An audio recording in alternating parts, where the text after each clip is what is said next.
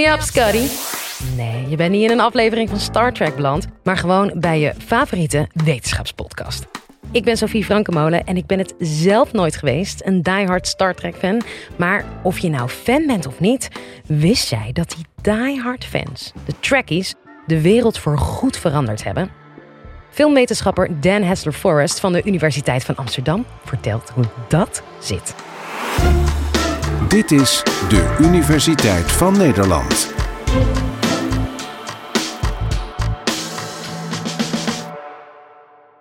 Drie jaar geleden trouwde mijn beste vriend. Ik kon er niet bij zijn, vond ik heel erg. Want hij trouwde in de Filipijnen, waar zijn partner vandaan kwam. En ik kon die reis op dat moment niet maken. Maar ik vond het dubbel erg, want niet alleen was dit mijn beste vriend die ging trouwen, maar het was ook best wel een bijzondere huwelijk. Bijzonder huwelijk. Hij ging trouwen in een Star Trek uniform. En niet alleen ging hij zelf trouwen in een Star Trek uniform, maar iedereen die kwam, kreeg ook een Star Trek uniform aangemeten. Een van de voordelen van trouwen in zo'n land als de Filipijnen, dat je zoiets ook kunt organiseren met lokale um, kleermakers. En de eerste keer dat ik het hoorde, moest ik eigenlijk wel een beetje lachen. Ik vond het wel een beetje gek. Ik dacht, ja, zo trouw je toch niet? Het is toch iets voor rare. Ja, het is toch niet iets echt Star Trek? Een huwelijk is zo echt. ik vroeg het ook aan hem. Ik zei, waarom, waarom, maar waarom doe je dat? Ik snap wel dat het grappig is of zo, een geintje, maar dit is toch niet een geintje? Hij zei, nee, het is geen geintje. Het is echt wel, dit is voor ons heel betekenisvol. Hoe wij elkaar hebben leren kennen. Allebei fans, hij en zijn partner, fans van Star Trek, van science fiction, van allerlei van die genres, games, allerlei dingen die een fanpubliek aantrekken. Dat is hoe ze elkaar hebben leren kennen. En in die werelden, met name die van Star Trek, zien zij niet alleen maar ruimteschepen, mooie technologie en gekke oortjes, maar zij zien een toekomstbeeld. En ze zien een soort filosofie die daarin ligt en die over de jaren ontwikkeld is. En die een enorme hoeveelheid aan materiaal en tekst heeft opgeleverd. Die voor heel veel mensen ook heel betekenisvol zijn. Mensen in hun vriendenkring onder andere. Ik ben meer een soort van terloopse Star Trek fan. Dus ik ga niet naar fancongres of zo. Ik heb alle afleveringen gezien. Maar er kleeft duidelijk, en dat merkte ik toen zelf, eventjes op een pijnlijke manier, er kleeft toch een soort gek stigma. Doe eens normaal. Een stigma aan fandom. Het is ook wel begrijpelijk, het woord fan, als je na gaat denken, of na gaat kijken waar dat vandaan komt, zie je dat het eigenlijk twee herkomsten heeft in de Engelse taal. Het komt van fanatic, fanatiekeling. Iemand die te betrokken is bij iets. Iemand die eigenlijk een beetje is doorgeslagen in zijn passie. Een andere herkomst, en niemand weet welk van de twee het is, maar dat is waarschijnlijk een samensmelting, is fancy. 18e eeuws Engels woord voor iets wat een soort triviale hobby is. De combinatie van de twee klopt precies in onze beleving van fandom. Iets onbelangrijks waar je een ongezonde obsessie voor ontwikkelt. Maar in 1992 publiceerde Henry Jenkins, zelf een fan en wetenschapper, een boek dat heette Textual Poachers. En dat ging over onder andere Star Trek fans. Als mensen die niet het slachtoffer waren van massamedia en van populaire cultuur. Niet alleen maar als een soort hyperconsumenten die te ver waren doorgedraaid in hun liefde voor het hebben en kopen van allerlei dingen. Maar als mensen die eigenlijk, nou ja, poachers, het woord zegt het, stropers. Mensen die op zoek gaan naar dingen en zich die toe-eigenen. En wat zag hij in die wereld? Bijvoorbeeld die van Star Trek. Hij zag een wereld die eigenlijk, het was een commercieel product, maar het was afgedankt door de cultuurindustrie. Star Trek als commercieel product had eigenlijk weinig waarde. Want het was gemaakt als tv-serie, maar omdat er zo weinig mensen naar keken, werden na drie seizoenen al gestopt. Dus het was iets wat was gemaakt als commercieel product, maar wat vervolgens eigenlijk niet voldoende publiek vond om dat ook te kunnen doen. En dat was dus weggeworpen. En fans hadden het opgepakt en die hadden het zich eigen gemaakt. En dat hadden ze niet gedaan door alleen maar slaafs continu opnieuw Star Trek afleveringen te kijken en zich vervolgens aan te kleden als die personages en dus te geloven of te doen alsof die wereld echt was. Dat deden ze in de eerste plaats door, volgens Jenkins, creativiteit te ontwikkelen. Door eigen verhalen te schrijven die zich afspeelden in de Star Trek-wereld. Door uit te denken, hoe, ja, hoe kun je eigenlijk die technologie die in die film als een soort magisch werkend mobiel gebeuren daar is, hoe, kun je die, zou je die nou ook werkelijk echt kunnen maken? Kun je iemand up en down beamen vanuit een ruimteschip? En zo ja, hoe zou je dat dan doen? Je merkt het al, dit zijn natuurlijk de mensen, de grootste gedeelte van de fans zijn een soort ja, nerds, mensen, een kleine minderheid in de jaren 70, 80 en 90, die zich actief bezig hielden met ja, saaie dingen als wetenschap, als technologie en die daar ook een affiniteit voor hadden.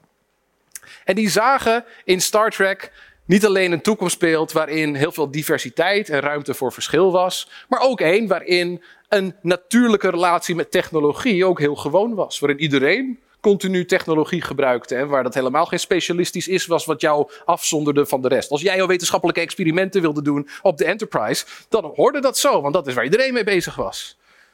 Dus vandaar dat er een bepaalde sfeer ontstond onder Star Trek fans. Maar ze zagen nog veel meer in Star Trek. Een subtekst die daar bestond. Als ze keken naar de relatie in de tv-serie tussen Kirk en Spock bijvoorbeeld. Dan zag je daar een hele duidelijke ondertoon van genegenheid die misschien wel voorbij het strikt formele officiële twee mannen die nou eenmaal samen moeten werken gaan. Er was een soort vonk, een soort romantische vonk die oversloeg en die fans zagen. Ze zeggen, ja, niet iedereen in de wereld is heteroseksueel. Op televisie wel. Als je in de jaren 60, 70, 80 naar tv kijkt, dan zie je alleen maar heteroseksuele relaties. Maar eigenlijk is de relatie tussen Kirk en Spock een soort, ja, net iets, net een beetje gecamoufleerde homoerotische relatie.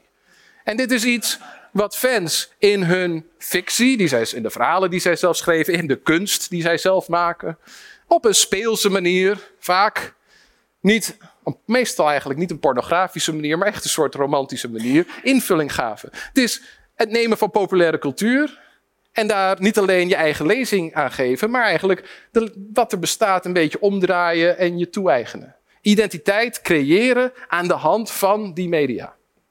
En dat is heel wat anders dan het oude model, of een model waar het normale publiek gewoon voor op de bank gaat zitten, televisie gaat kijken en een aflevering van CSI gewoon rustig kijkt als amusement en er verder niks mee doet.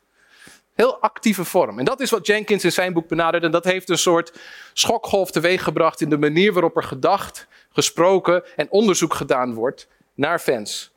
Als mensen die dingen toe-eigenen. Als mensen die een relatie hebben met verhalen die meer speels is dan serieus.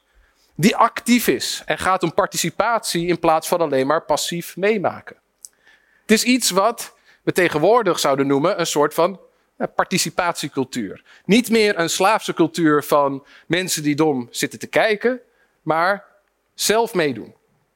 En dat zie je al in allerlei andere vormen in fancultuur. Cosplay is een, nou ja, vaak of makkelijk, makkelijk belachelijk te maken traditie. Je eigen kostuums maken, gebaseerd op die dingen waar jij fan van bent of die jij kent. En dan vervolgens op die manier gekleed als jouw favoriete icoon, als Superman, als Wonder Woman, als Batman, als Captain Kirk of als Mr. Spock naar een congres gaan en dat aan elkaar laten zien en dat met elkaar delen. Ook weer iets wat een beetje gek lijkt. Wie gaat zich nou zo verkleden? Wie steekt er nou zoveel moeite in het maken, want dat is het meestal, van zo'n pak? Maar Henry Jenkins zegt, ja, dat is niet, het is niet achterlijk, het is niet pathologisch. Dit is eigenlijk een soort volkscultuur. Het is niet populaire cultuur, want het is niet groot genoeg. Het is niet populair genoeg. Het is niet massacultuur, want het wordt niet door allerlei massamedia gemaakt. Het is zelf naaien en borduren en dingen in elkaar zetten. En dan vervolgens met elkaar, ja, zelf aan elkaar laten zien en erover vertellen. Ervaringen delen, eerst via nieuwsbrieven en fanzines, later natuurlijk via internet. Opnieuw op een speelse, creatieve manier die veel ruimte laat voor originaliteit en het toe-eigenen van dingen, omgaan met populaire cultuur. En daar zien we in de jaren 90 een andere verschuiving, namelijk de komst van het internet. Met de komst van het internet wordt de fan veel belangrijker. En één zo'n fan die een stempel heeft gedrukt op de manier waarop wij media in het internettijdperk meemaken, was Harry Knowles. Harry Knowles was een filmfan. En als je naar hem kijkt, een soort van prototype, weet je wel, sociaal gestoorde, niet zo uh, welriekende uh, een, uh, eenling die op zijn kamer thuis naar allerlei gekke films en rare tv-series en rare boeken zat te kijken. Hij leefde in Austin met zijn ouders, die een winkeltje hadden waarin ze handelden met in memoria, memorabilia. Allerlei zeldzame filmdingetjes, posters, beeldjes, al dat soort zaken. Maar hij werd ziek en hij moest twee jaar in bed blijven en zijn ouders kochten voor hem een computer. En op dat moment was het web net toegankelijk geworden voor de burger. Je kon een abonnement nemen op CompuServe en dan kon je een eigen webpagina bouwen. En dat ging hij dus ook doen. Hij maakte een webpagina met als doel om de filmjournalistiek te veranderen. Hij zei, filmjournalistiek, dat is allemaal mensen die een soort baan hebben binnen een groot mediabedrijf. En die zijn getraind om op een bepaalde manier naar films te kijken. Dat is eigenlijk heel anders dan hoe fans met films omgaan. Hij wilde een netwerk ontwikkelen van fans, door fans, voor fans. Wiens missie het was om het beste en mooiste nieuws over alles wat fans boeide, het eerste beschikbaar te maken. En zijn website ain'titcoolnews.com werd een enorm succes. Het werd een enorm succes omdat hij via een netwerk van spionnen inderdaad het het, het, een monopolie van de filmstudio's op informatie over een product wist, wist te breken. En toen Batman en Robin de eerste soort van flop in de Batman-reeks was, de grootste commerciële ding van, die, van Warner Brothers toen de tijd, werd hij aangewezen als schuldige door Warner en door de filmjournalisten. Zij, hij schreef al na een eerste preview dat die film verschrikkelijk was en dat nieuws is al helemaal over het internet verspreid en toen wilde niemand meer naar die film toe gaan. En bijna alle filmrecensies die in de officiële kanalen verschenen, die zeiden ook, ja Harry Knowles zei het al een beetje, de film is niet zo best. Ineens had iedereen het over een soort van, ja, toch wel democratisering van de media. Op het internet kon iedereen nu zijn mening laten gelden. En voor je het wist, was Harry Knowles ook zelf onderdeel geworden van dit hele apparaat. En zagen we hem verschijnen in allerlei films, in soort kleine gastrolletjes. Als grapje, in een zombiefilm als hoofd. Een paar van dat soort dingen. Dus die verschuiving, die verschuiving, die heeft aan de ene kant te maken met technologische verandering. Toegang tot het internet, een medium dat in theorie in ieder geval iedereen gelijk maakt. Iedereen kan een pagina bouwen en als die leuk is, dan komen mensen vanzelf. Maar ook natuurlijk omdat de wereld waar wij in leven steeds meer is gaan lijken op die we in een serie als Star Trek zien. Dat beeld wat fans in de jaren 60 hadden van een toekomst waarin iedereen een communicator en een tablet bij zich had en daarop alle relevante informatie zomaar uit de lucht kon plukken, dat is geen science fiction. Dat is een fantasie die nu ook echt bestaat toen Captain Kirk zijn communicator pakte om zomaar iemand te bellen. Nou ja, hij was nog niet verslaafd aan Facebook of aan WhatsApp of zoiets. Maar we zien daarin een voorbode van een technologie die inmiddels volledig normaal is geworden. En we zien dan ook een culturele verschuiving waarin niet meer de nerd, maar een soort iets nettere versie ervan, de geek, een dominante figuur in onze cultuur is geworden. Geek culture is onze cultuur. En onze grote helden zijn nu niet meer Sylvester Stallone grote stoere kerels, mensen die actie ondernemen. Onze grote helden in de echte wereld zijn nu Steve Jobs, zijn Bill Gates, de nerds van vroeger, die begrepen hoe belangrijk technologie voor onze toekomst zou worden en zich daar ook in vastbeten. Nou, die fancultuur is inmiddels voor een groot deel natuurlijk ingelijfd door de commercie. Het is jammer, maar het is nou eenmaal zo. Als iets nou eenmaal heel groot wordt, een beurs als Comic Con, wat begon met 1500 fans die stripboeken en figuurtjes met elkaar wilden ruilen. En af en toe kwam daar een acteur langs om handtekeningen uit te delen. Is nu iets wat meer dan 100.000 mensen aantrekt. En waar de grote filmstudio's hun nieuwe films op het podium presenteren voor een publiek van duizenden mensen. Wat vervolgens via social media de hele wereld in gaat. Fans zijn in de traditie van Harry Knowles niet meer gewoon fans, niet meer Einzelgangers die in hun kamertje zitten. Maar zijn nu influencers geworden die je aan boord moet krijgen op het moment dat je een grote film wilt aanprijzen. Bizar hoe fans zo'n impact kunnen hebben. Wil je ook de wereld veranderen en ben je nou fan van ons? Word dan vriend van de show. Voor maar 2,50 euro per maand kun je ons al steunen. Check daarvoor even de link in de beschrijving. Tot de volgende! En uh, ben je nou een trekkie en denk je... hey, dat me up Scotty van het begin... dat is nooit echt gezegd in Star Trek? Weten we. Was een test. Speciaal voor jou.